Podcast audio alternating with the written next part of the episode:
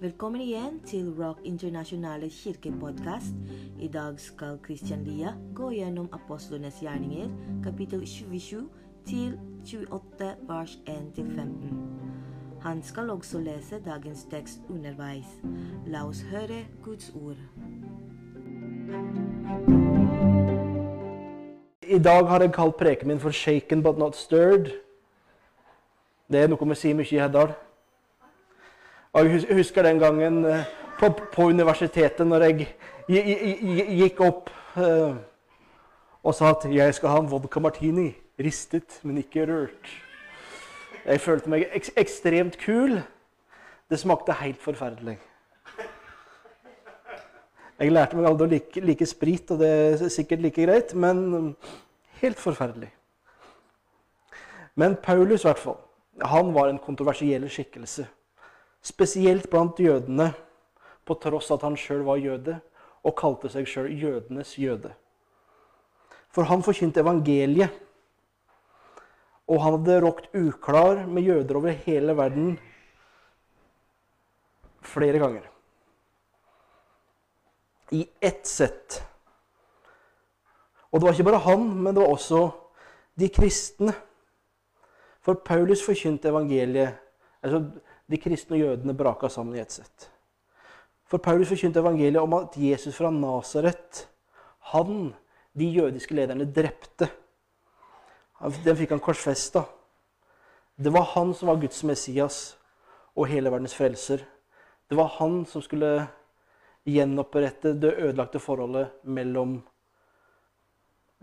altså oss mennesker og han Gud.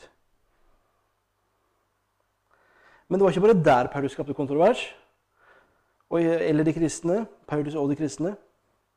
For jødene syntes de var litt slappe overfor hedningene. For de kunne bli kristne, de kunne bli en del av en menighet uten å bli omskjært. Dette er mennene vi snakker om nå, altså. Men eh, det, det var liksom Hvordan kan de tro på Gud uten å være omskjært? Jeg vet ikke, men jeg er bare takknemlig for at det er greit. Så det, er mye styr, mye om og men, mye krangling. Og de siste ukene som sett på etter, etterspillet av at Paulus feilaktig ble anklaga for å ha tatt med seg noen ikke-jødiske proselytter inn i den delen av tempelet som kun er reservert for jøder. Altså ta med ikke-jøder inn i den jødiske delen av tempelet. Og Dette er noe Paulus nesten ble lynsja over. Men ironisk sett så ble han redda av en romersk offiser. Så Paulus hadde ikke gjort det her, eh, det han ble beskyldt for, men ble nesten lunsja likevel. Og det er på en måte her, da, etter mye om og men, rettssaker fram og tilbake, samtaler med landshøvdinger, konger osv., at Paulus etter to år i fengsel i Cesarea nå skal få dra til Roma for å få saken sin opp for keiser Nero. Ja. Og ja, det er han, keiser Nero. Dagens tekst er kapittel, Apostelens gjerning, kapittel 27 til kapittel 28, vers 15. Og jeg skal lese store deler av det her og ha noen kommentarer før jeg går Eller det første, det er det første punktet mitt. Og så har jeg et punkt til.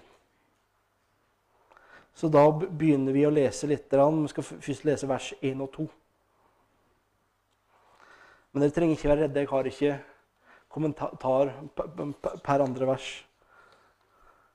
Da det var avgjort at vi skulle seile til Italia, ble Paulus og noen andre fanger overlatt til en offiser ved navn Julius fra den keiserlige bataljonen. Vi gikk om bord i et skip fra Adramyttium, som skulle til havnene i Asia, og seilte så ut sammen med oss. Nei, seilte så ut. Sammen med oss var makedoneren Aristarkos fra Tessalonika. Ja. Det, det, det står 'vi' og 'oss' osv. Men det, Luke, forfatteren Lukas, han var med. Han var en av oss. Og Lukas er forfatteren av Lukasevangeliet og apostlenes gjerninger. Men Aristarkos var også med. Han var fra Tessalonika, og det var Paulus' medhjelper. Jeg vet ikke om dere husker han som var en av de to, Gaius og Aristarkos, som nesten ble lunsja i Efesos etter noen hadde fått hørt at Paulus sa at guder kan ikke bli laget av menneskehender. Det samme Aristarkos. Så vi fortsetter med å lese videre fra vers 3 til 8. Dagen etter seilte vi inn til Sidion, og Julius behandlet Paulus vennlig og ga ham lov til å besøke vennene sine og nyte godt av deres omsorg. Vi stakk til sjøs igjen og seilte i Lea Kypros fordi vi hadde vinden imot. Så satte vi over havstykket utenfor Kilikia og Pamphylia og kom til Myra i Lykia. Der fant offiseren et skip fra Alexandria som skulle til Italia. Og han lot oss gå om bord i det. I flere dager gikk det smått framover, og vi klarte så vidt å komme på høyde med Knidos, eller Nidos. Vinden hindret oss i å komme videre, og vi holdt derfor, vi holdt derfor ned under Kreta ved Salmoneneset. Dette klarte vi så vidt å runde, og kom oss til det stedet som ble kalt Gode havner, like ved byen Lasea. Så Paulus hadde et veldig avslappa fangenskap. Folk klager jo på norske fengsler, men det var ganske bra for Paulus. Ganske bra, han også. Han hadde hatt det bra to år i Cesarea. Og han fortsatte å ha det under reisen til Roma. I hvert fall et stykke. Og det kommer spesielt godt fram i vers 3 når vi ser at de kommer til havna i Sidion og offiseren Julius, som passer på Paulus, la Paulus dra på besøk til vennene sine der. Det er liksom en litt spesiell fangetransport. Hvis jeg skulle blitt kjørt til Oslo, så tror jeg ikke jeg kunne stoppa i Drammen eller i Kongsberg for å besøke familien min der. Det skal litt til. Men det sier kanskje om hvordan Paulus ble ansett av romerne. Kanskje de har hørt rykter om, om, hvem Paulus var. Kanskje han ble bedre behandla fordi han var høyt utdanna. Kanskje det var fordi han var en romersk borger. Eller kanskje det rett og slett var fordi det var en del av Guds velsignelse som lå over Paulus. For eh, Jeg vet ikke med dere, men når vi har sett Gladiator og Spartacus og alle de greiene her, så tenker vi kanskje ikke på romere som de mest sympatiske fangevoktere og fengselsvakter og, sånn osv. Så det er ikke det vi tenker at Oi, de hadde et veldig godt juridisk system der alle ble tatt, tatt godt vare på i fengsel. Her skal vi komme tilbake til samfunnet, ikke drepes. Det er ikke det vi tenker på da, men sånn var det nå. For han blei godt behandla som fange, Paulus. Og Da fortsetter vi å lese fra vers 9. Vi hadde brukt lang tid, og det var ikke lenger trygt å ferdes på sjøen. Da det allerede var etter fastedagene, da det var allerede etter fastedagen, derfor advarte Paulus dem og sa:" Jeg ser at det å seile videre vil bety ulykke og tap av last og skip, ja, fare for vårt liv. Men offiseren stolte mer på kapteinen og eieren av skipet enn på, Paulus, enn på det Paulus sa. Og da dette var en dårlig havn for vinteropplag, holdt de fleste på at de skulle seile derfra og forsøke å nå Phoenix for å ligge vinteren over der. Denne havnen på Kreta er åpen mot sørvest, altså fra sørvest og nordvest. Og det, liksom, det her er en del av den teksten jeg syns er litt morsom. For det virker nesten som, jeg, som at Lukas, som er forfatter, og Paulus blir overraska over at den romerske offiseren eh, vil høre mer på kapteinen av skipet. På liksom, eieren av skipet, han som har gjort det her masse ganger, enn på en misjonær i lenker. Jeg, jeg må jo innrømme det hvis jeg var ute og seilte, og så hadde jeg på en måte en sånn der kristen som var lenka fast til et eller annet. Og så hadde jeg en kaptein som hadde gjort det 100 ganger før. Så hører jeg på sånn Jeg tror det kan bli problematisk hvis vi seiler opp der nå. Sånn, jeg tror det kan bli problematisk. Du, du, jeg hører på han som faktisk gjør det her. Det er helt naturlig.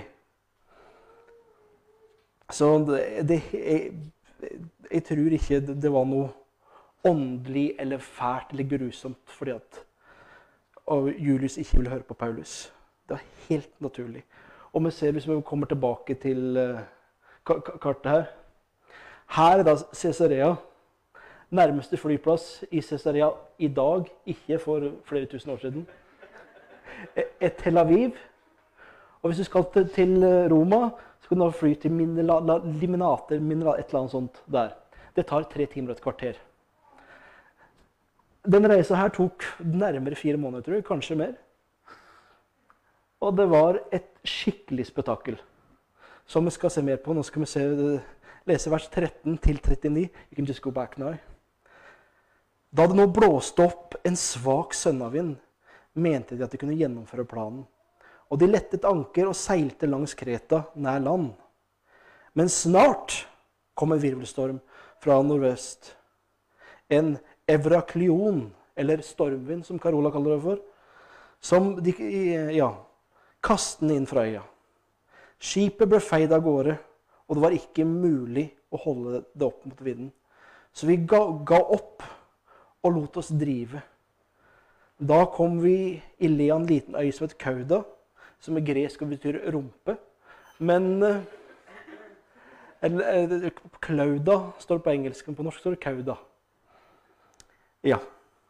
Da klarte vi så vidt å redde skipsbåten. E, etter de hadde fått den om bord, tok de nødutstyr i bruk. Surret skipet med tau. Nå var de redde for å drive ut mot styrtgrunnene. Derfor senket de forseglet, og slik seilte videre. For det, Nå var jeg redd for at båten skulle blitt dratt, dras inn mot et sted det var grunt, og båten skulle bli knust. Og de skulle drukne og bli dratt under litt av hvert. Så det, var, det begynte å bli kjipt. Men stormen raste fortsatt, og neste dag begynte de å kaste lasten over bord. Den tredje dagen kastet de med egne hender skipsutstyret i sjøen.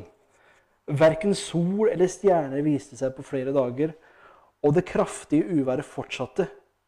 Til slutt mistet vi alt håp om redning. Nå hadde de ikke fått i seg mat på lenge, og Paulus steg fram blant dem og sa.: Gode menn, dere skulle hørt på meg og ikke reist fra Kreta. Så hadde dere spart dere for både ulykken og tapet.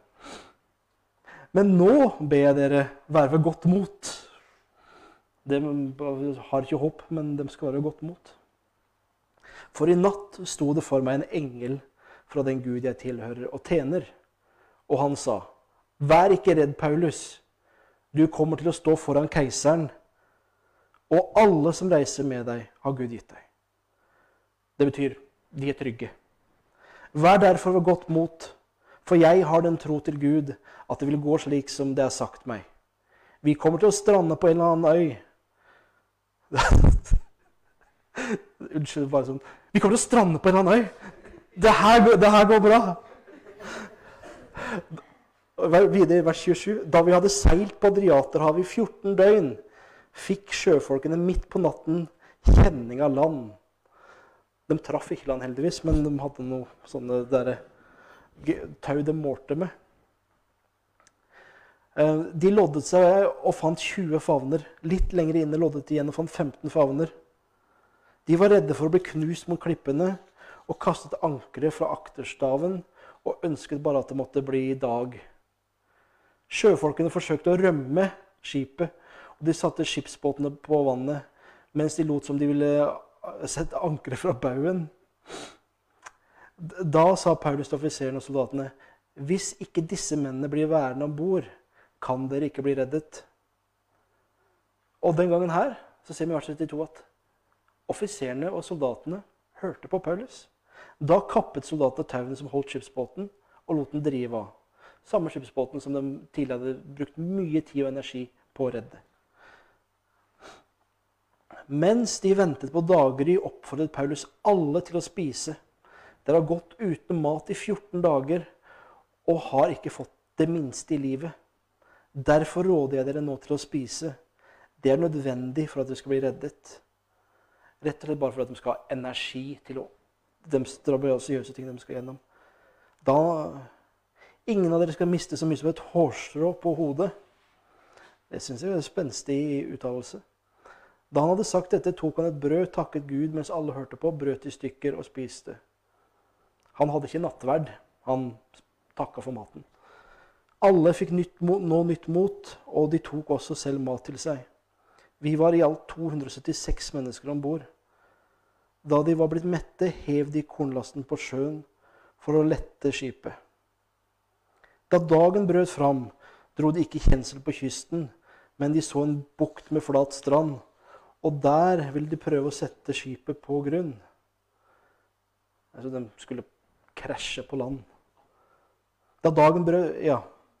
De kappet alle ankrene og lot dem gå, og samtidig løste de surringene på roret rorene, så satte de forseglet og sto inn mot land med vinden.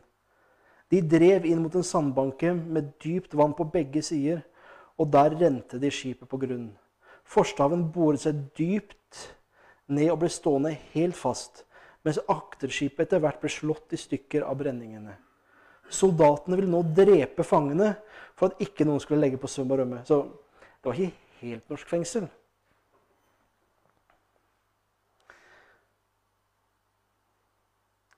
Eh, ja. Men, men offiseren, eh, Julius, ville redde Paulus og hindret dem i planen. Han ga ordre om at de som kunne svømme, først skulle kaste seg over bord og komme seg i land. Så skulle de andre komme etter, noen på planker, andre på vrakrester. På den samme måten kom alle velberget i land. Det var, ikke sånn nå, nå, nå venter vi på, på, på, at de fra redningstjenesten kommer og henter oss. Sånn. Ok, dere svømmer. Ja, dere bak der, kan dere svømme? Nei? Ok. Det er noen planker og noen tønner og greier, så hvis dere flyter i land på det, det er, Men det fungerte. Ja. Da vi var reddet, fikk vi greie på at øya het Malta. Innbyggerne der var uvanlig hjelpsomme mot oss. Da hadde jeg vært redd for at de skulle spise meg. De tok seg av oss alle sammen og tente et bål. For det hadde begynt å regne, og det var kaldt. Paulus hadde sanket sammen en haug med kvister og lagt på bålet. De, da krøp en slange ut pga. heten og hogg seg fast i hånden hans. Da innbyggerne så dyret henge ned fra hånden hans, sa de til hverandre.: Denne mannen er sikkert en morder, siden rettferdighetens gudinne ikke lar ham leve ennå han er reddet fra havet. Men Paulus ristet slangen av seg og inn i ilden uten å ha men av det. De ventet at han skulle hovne opp eller plutselig falle død om. Men da, men da de hadde ventet og sett på ham en lang stund uten at det skjedde noe uvanlig med ham, slo de helt om og sa at han måtte være en gud. I nærheten av dette stedet lå det et gods som var eid av den fremste mannen på øya. Han het Publius. Han tok vennlig mot oss som sine gjester i tre dager.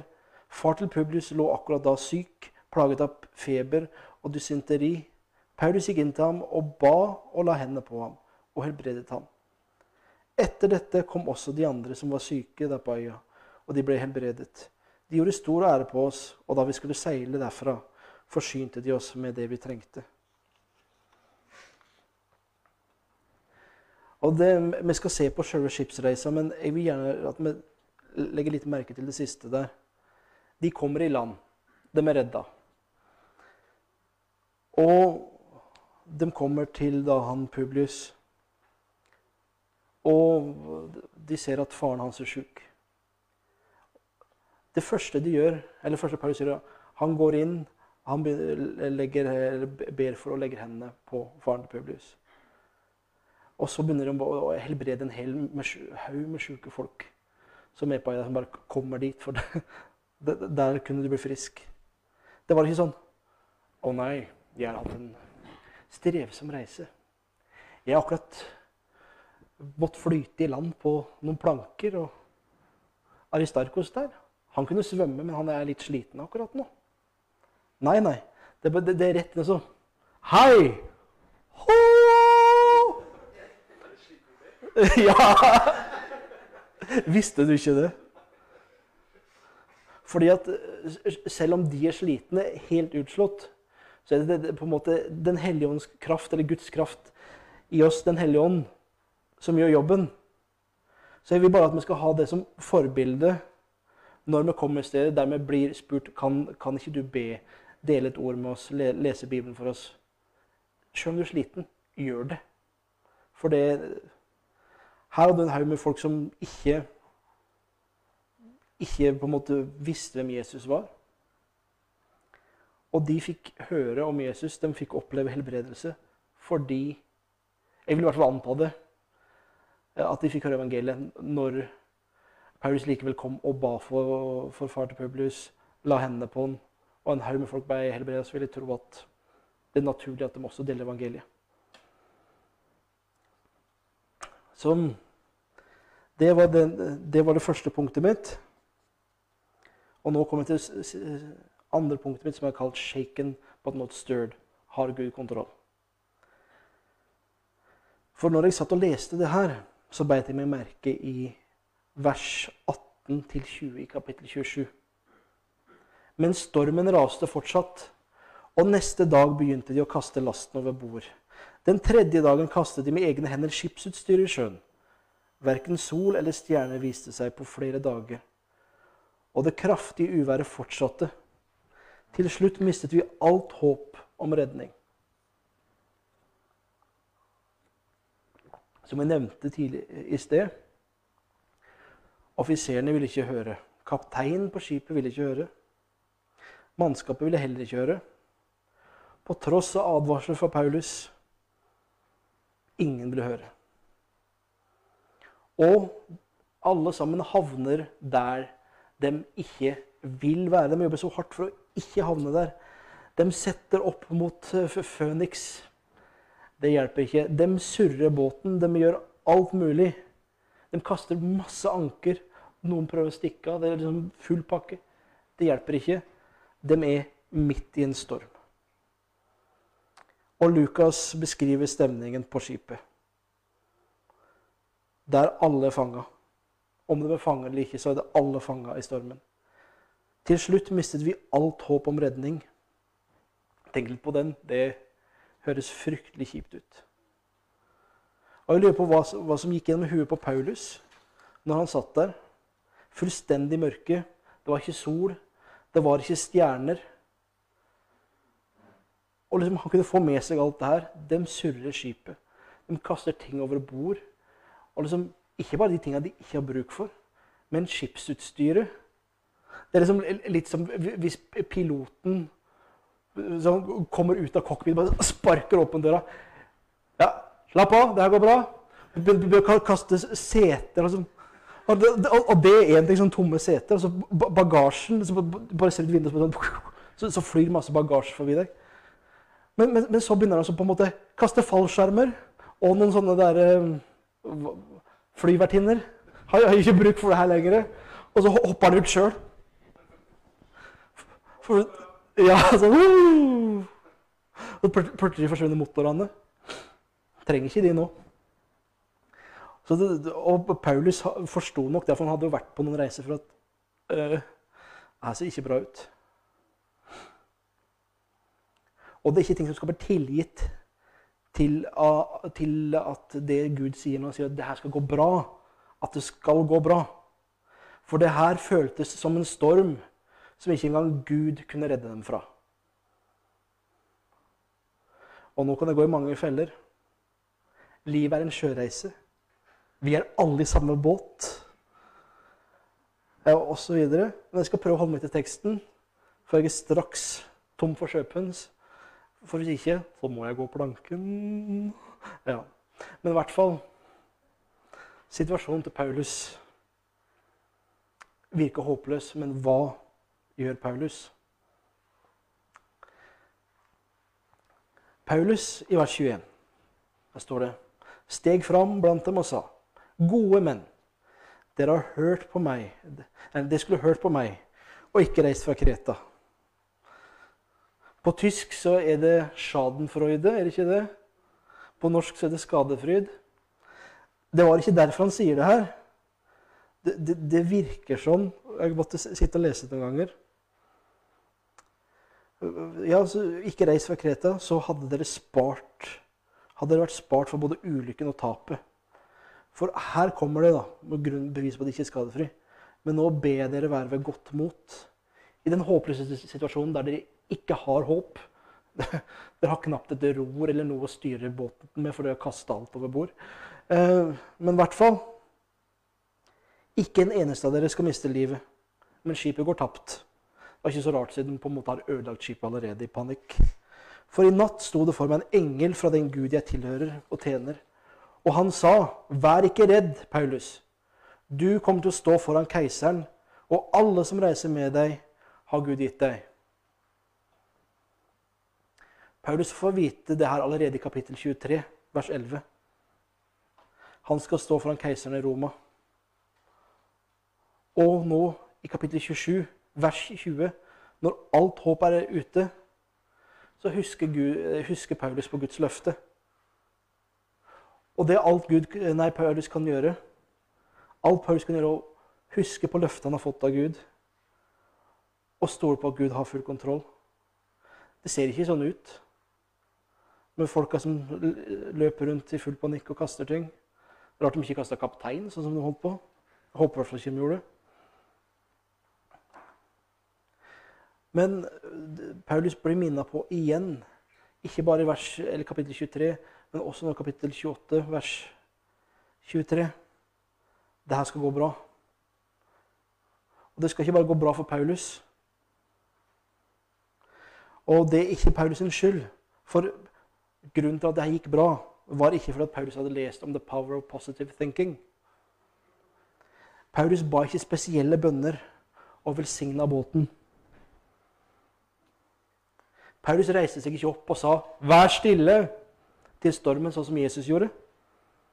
Han gjorde ikke det. Den eneste grunnen til at det her gikk bra for Paulus og de som var med han,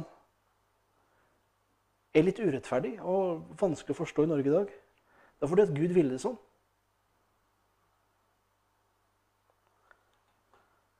Gud ville ikke at de skulle drukne, at de skulle bli slått i hæl mot brenningene eller land. De skulle overleve fordi Gud hadde lova dem det. Legg merke til hva engelen sier i vers 24. Vær ikke redd.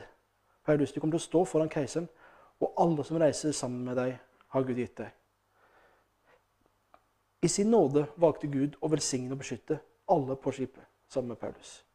Gud valgte å beskytte dem ved å ikke la de romerske soldatene drepe fangene. Som hadde vært helt naturlig, fordi at du kan få så mye, havne i så utrolig mye trøbbel hvis du mister eh, hvis du mister fangene dine. det er sånn, Hvis du gjør noe feil som romersk soldat, er det stort sett Da blir du drept. Drept eller degradert. og Det var like ille som å bli drept. Ja, så det gikk bra. Fordi Gud ikke ville at de skulle dø.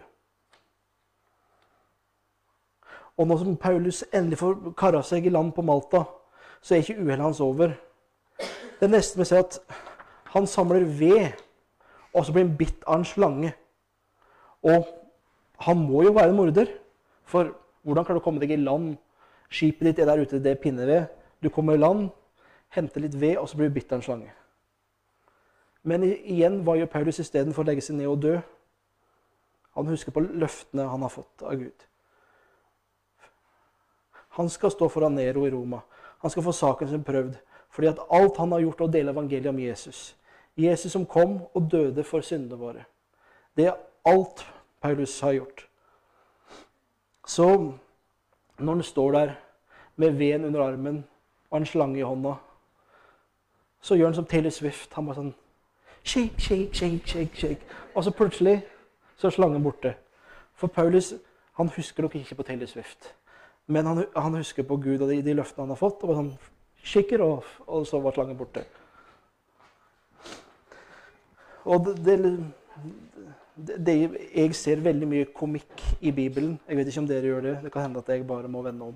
Men i vers 5 og 6 i kapittel 28 Paulus rister slangen av seg inn i ilden uten å ha men av det. De ventet at han skulle hovne opp eller plutselig falle død om. Men da de hadde ventet og sett på ham en lang stund uten at det skjedde, slo de helt om og sa at han måtte være en gud. En haug med folk på øya der. Det var ikke snakk om å komme og hjelpe Paulus. De satt og kikka på han.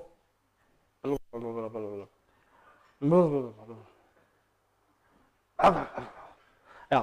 Ungla bungla osv. Jeg vet at det er malt at de ikke snakker sånn der, men allikevel bare sånn for effekten sin skyld. Ingenting skjedde. Og han gikk fra å være forbanna til å være Gud. Det virker som ekstremt slitsomme mennesker å forholde seg til. Så jeg tror vi bare må krysse av Malta som ferieland. Jeg tror ikke det er vits å reise dit. Men hvorfor gir ikke Paulus opp hele turen til Roma og stikker av fra fangenskapet? For han, han har jo muligheten. Sånn, når du plutselig på, på ei og liksom, folk liker du, du har helbreda en haug med mennesker Det har sikkert ikke vært noe problem å få gjemt seg eller stikke av. Men Paulus skal dele evangeliet. Paulus gjør det. Og, men jeg tror at Paulus forholder seg til fangenskapet pga. to løfter. For Gud vil at Paulus skal til Roma. Gud har sagt at Paulus skal til Roma. Paulus har fått bevist at Paulus skal til Roma ved at skipet som går ned, det gjør ingenting. Slangen som sitter fast i hånda hans, det gjør ingenting. Paulus skal til Roma. Det er løftet hans. Og ikke bare det, man har fått, fått også bevist gjennom at når Gud sier at alle de som er med deg, når skipet ditt går skal det også gå bra med. De går det bra med. Han sitter og ser bort på Aristarkos ikke sant, mens han tar og gnir seg litt på hånda etter å ha blitt bitt i. Ja, ikke, ikke, bare det, men han, han ser Lukas sitter der og skriver, ikke sant. Og alt er greit. Alt er bra. Og sjøl om de fleste av oss har begrensa erfaringer med skipbrudd og sånne ting. Det kan hende at det er noen her som har kommet til Norge og forskjellige land på, i, i, de der gummibåtene som vi ser på TV. og det, det er helt tragisk, men det er godt dere er her. Men sånn for resten av oss er det begrensa hvor mye erfaring vi har med sånne ting. Men vi kan nok kjenne oss litt igjen i kapittel 27 vers 20. Verken sol eller stjerner viste seg på flere dager, og det kraftige uværet fortsatte. Til slutt mistet vi alt håp om redning. For jeg vet ikke med dere, men jeg har vært der. Flere ganger, men det er en jeg husker spesielt godt. Og det var når Isabella ble født. Jeg må bare slå på litt norsk modus her, så gi meg et lite øyeblikk. Hun fikk påvist tre store hull i hjertet. Men fikk beskjed om at det var ikke noe å bekymre seg for. Lite visste vi at det ikke var noen voksne hjemme i Sykehuset Telemark den dagen. Så vi reiste hjem noen dager seinere, og Isabella kom hjem, og hun ble dødssyk. Hun utvikla hjertesvikt. Det tok flere dager før vi forsto det, for jeg er ikke barnespesialist, hjertespesialist osv. Men vi fikk henne på sykehuset. Og det var takket være en legevaktslege som var spesialist på barn. Men der lå Isabella i flere dager. Den visste ikke hva som var gærent. De visste ikke hva, som, hva de kunne gjøre for å hjelpe henne. Og jeg gikk rundt og banna og slo i vegger i tre dager. Ikke visste at jeg kunne så mange stygge banneord. Og ikke visste jeg at man kunne slå så hardt i en murvegg så lenge. Fordi at jeg var i ferd med å bli kvalt av den håpløsheten jeg og Johannes sto i. Og det tok mange dager før jeg huska at det fantes noen Gud. Og at han hadde kontroll. Og det er flaut å innrømme, for jeg, jeg, jeg jobba her da også. Banninga er helt greit. Det det er sånn som skjer. Men at det tok meg tre dager å huske at det fantes en Gud at han var god, at han har kontroll. Det syns jeg er pinlig. For i mitt mørke og min storm så hadde, sant, hadde jeg vært Paulus, hadde jeg bare sittet på båten sånn Og det er veldig pinlig, for jeg er egentlig ikke en sånn type person. Jeg liker ikke å se på meg sjøl som en sånn person. i hvert fall.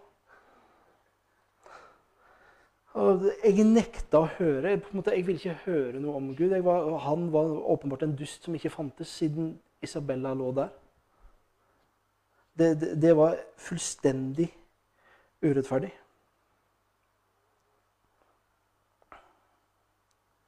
Og det var faktisk Gud sjøl som måtte komme til meg, ikke på samme måte som med engler og alt det greiene her, men som han måtte komme til meg og gjøre seg virkelig for meg.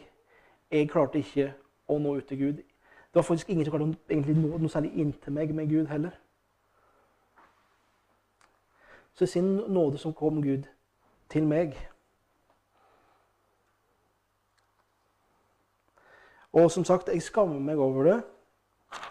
Men jeg tenker det er veldig viktig å være ærlig om. Fordi at er kristne.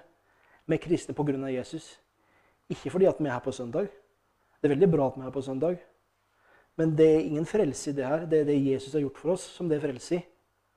Så, så sånn Til og med om jeg er kristen, så må Gud bare sånn Kristian, Kristian, Kristian. Jeg er virkelig. Jeg har kontroll. Slapp av! Men det som er at han hadde jo også vært Gud han fremdeles hatt kontroll hvis Isabella hadde dødd, men jeg takker Gud for at det gjorde hun ikke. Men det er liksom Ja. Gud kom til meg i situasjonen. Jeg kunne ikke gjøre noen fantastiske ting for å tro fram et mirakel eller i det hele tatt se Gud. Det gikk ikke.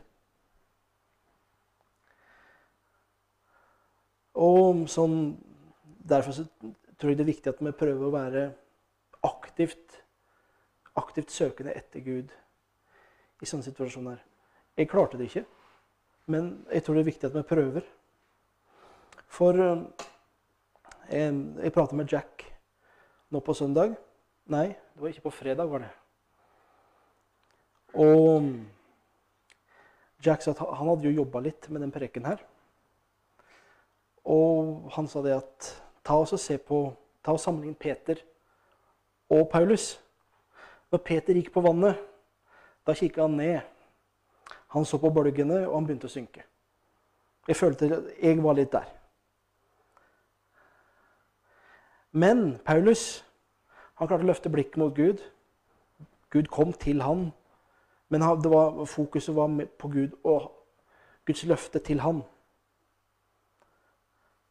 Og jeg vil prøve å kalle oss til å løfte blikket når vi har det sånn.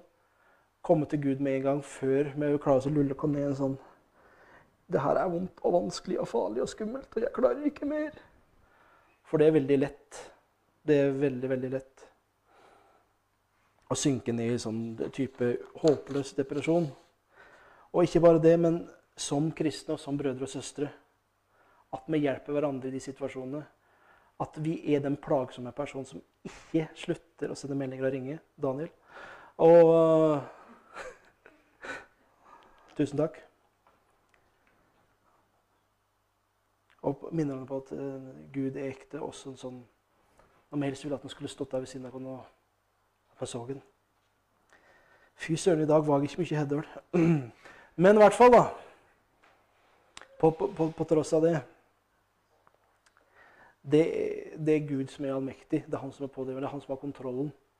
Det ser vi i teksten i dag. Han lova Paulus at det skulle gå bra. Det gikk bra. Han har sendt Jesus til å dø for syndene våre. Og når vi tror på Jesus, så har vi fått løfte om at da alt i orden. Så tro på det. Stol på Gud, også når livet er vanskelig. La oss be. Himmelske Far. Vi takker deg for, for, løftene dine. Vi takker deg at du tar vare på oss. Vi ber om at du minner, deg, oss på løftene dine til oss. Minner oss på evangeliet. Minner oss på at du er med oss også når livet er vanskelig, når ting ikke går bra. Når, når, når, når kreften er dødelig, når, når forholdet ikke, ikke fungerer, når, huset må selges, når vi mister jobben, hva som helst, far. Minn oss på at du også er der da. At og selv når ting ikke går bra, så er du der. Jeg ber deg om at du må minne oss på evangeliet også. Og jeg ber deg om at du må minne oss som menighet på å være de menneskene som er der for hverandre i menigheten. Deler evangeliet med hverandre. Og minner hverandre på at du har kontroll, Herre. Det ber vi om i Jesu navn. Amen.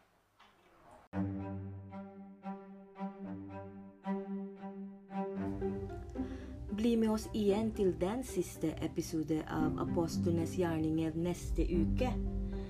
Um, hvis dere har spørsmål, så bare skriv oss en melding til vår Facebook-side, Rock International Church, eller til vår webside www.rockchurch.no. Ha en fin dag.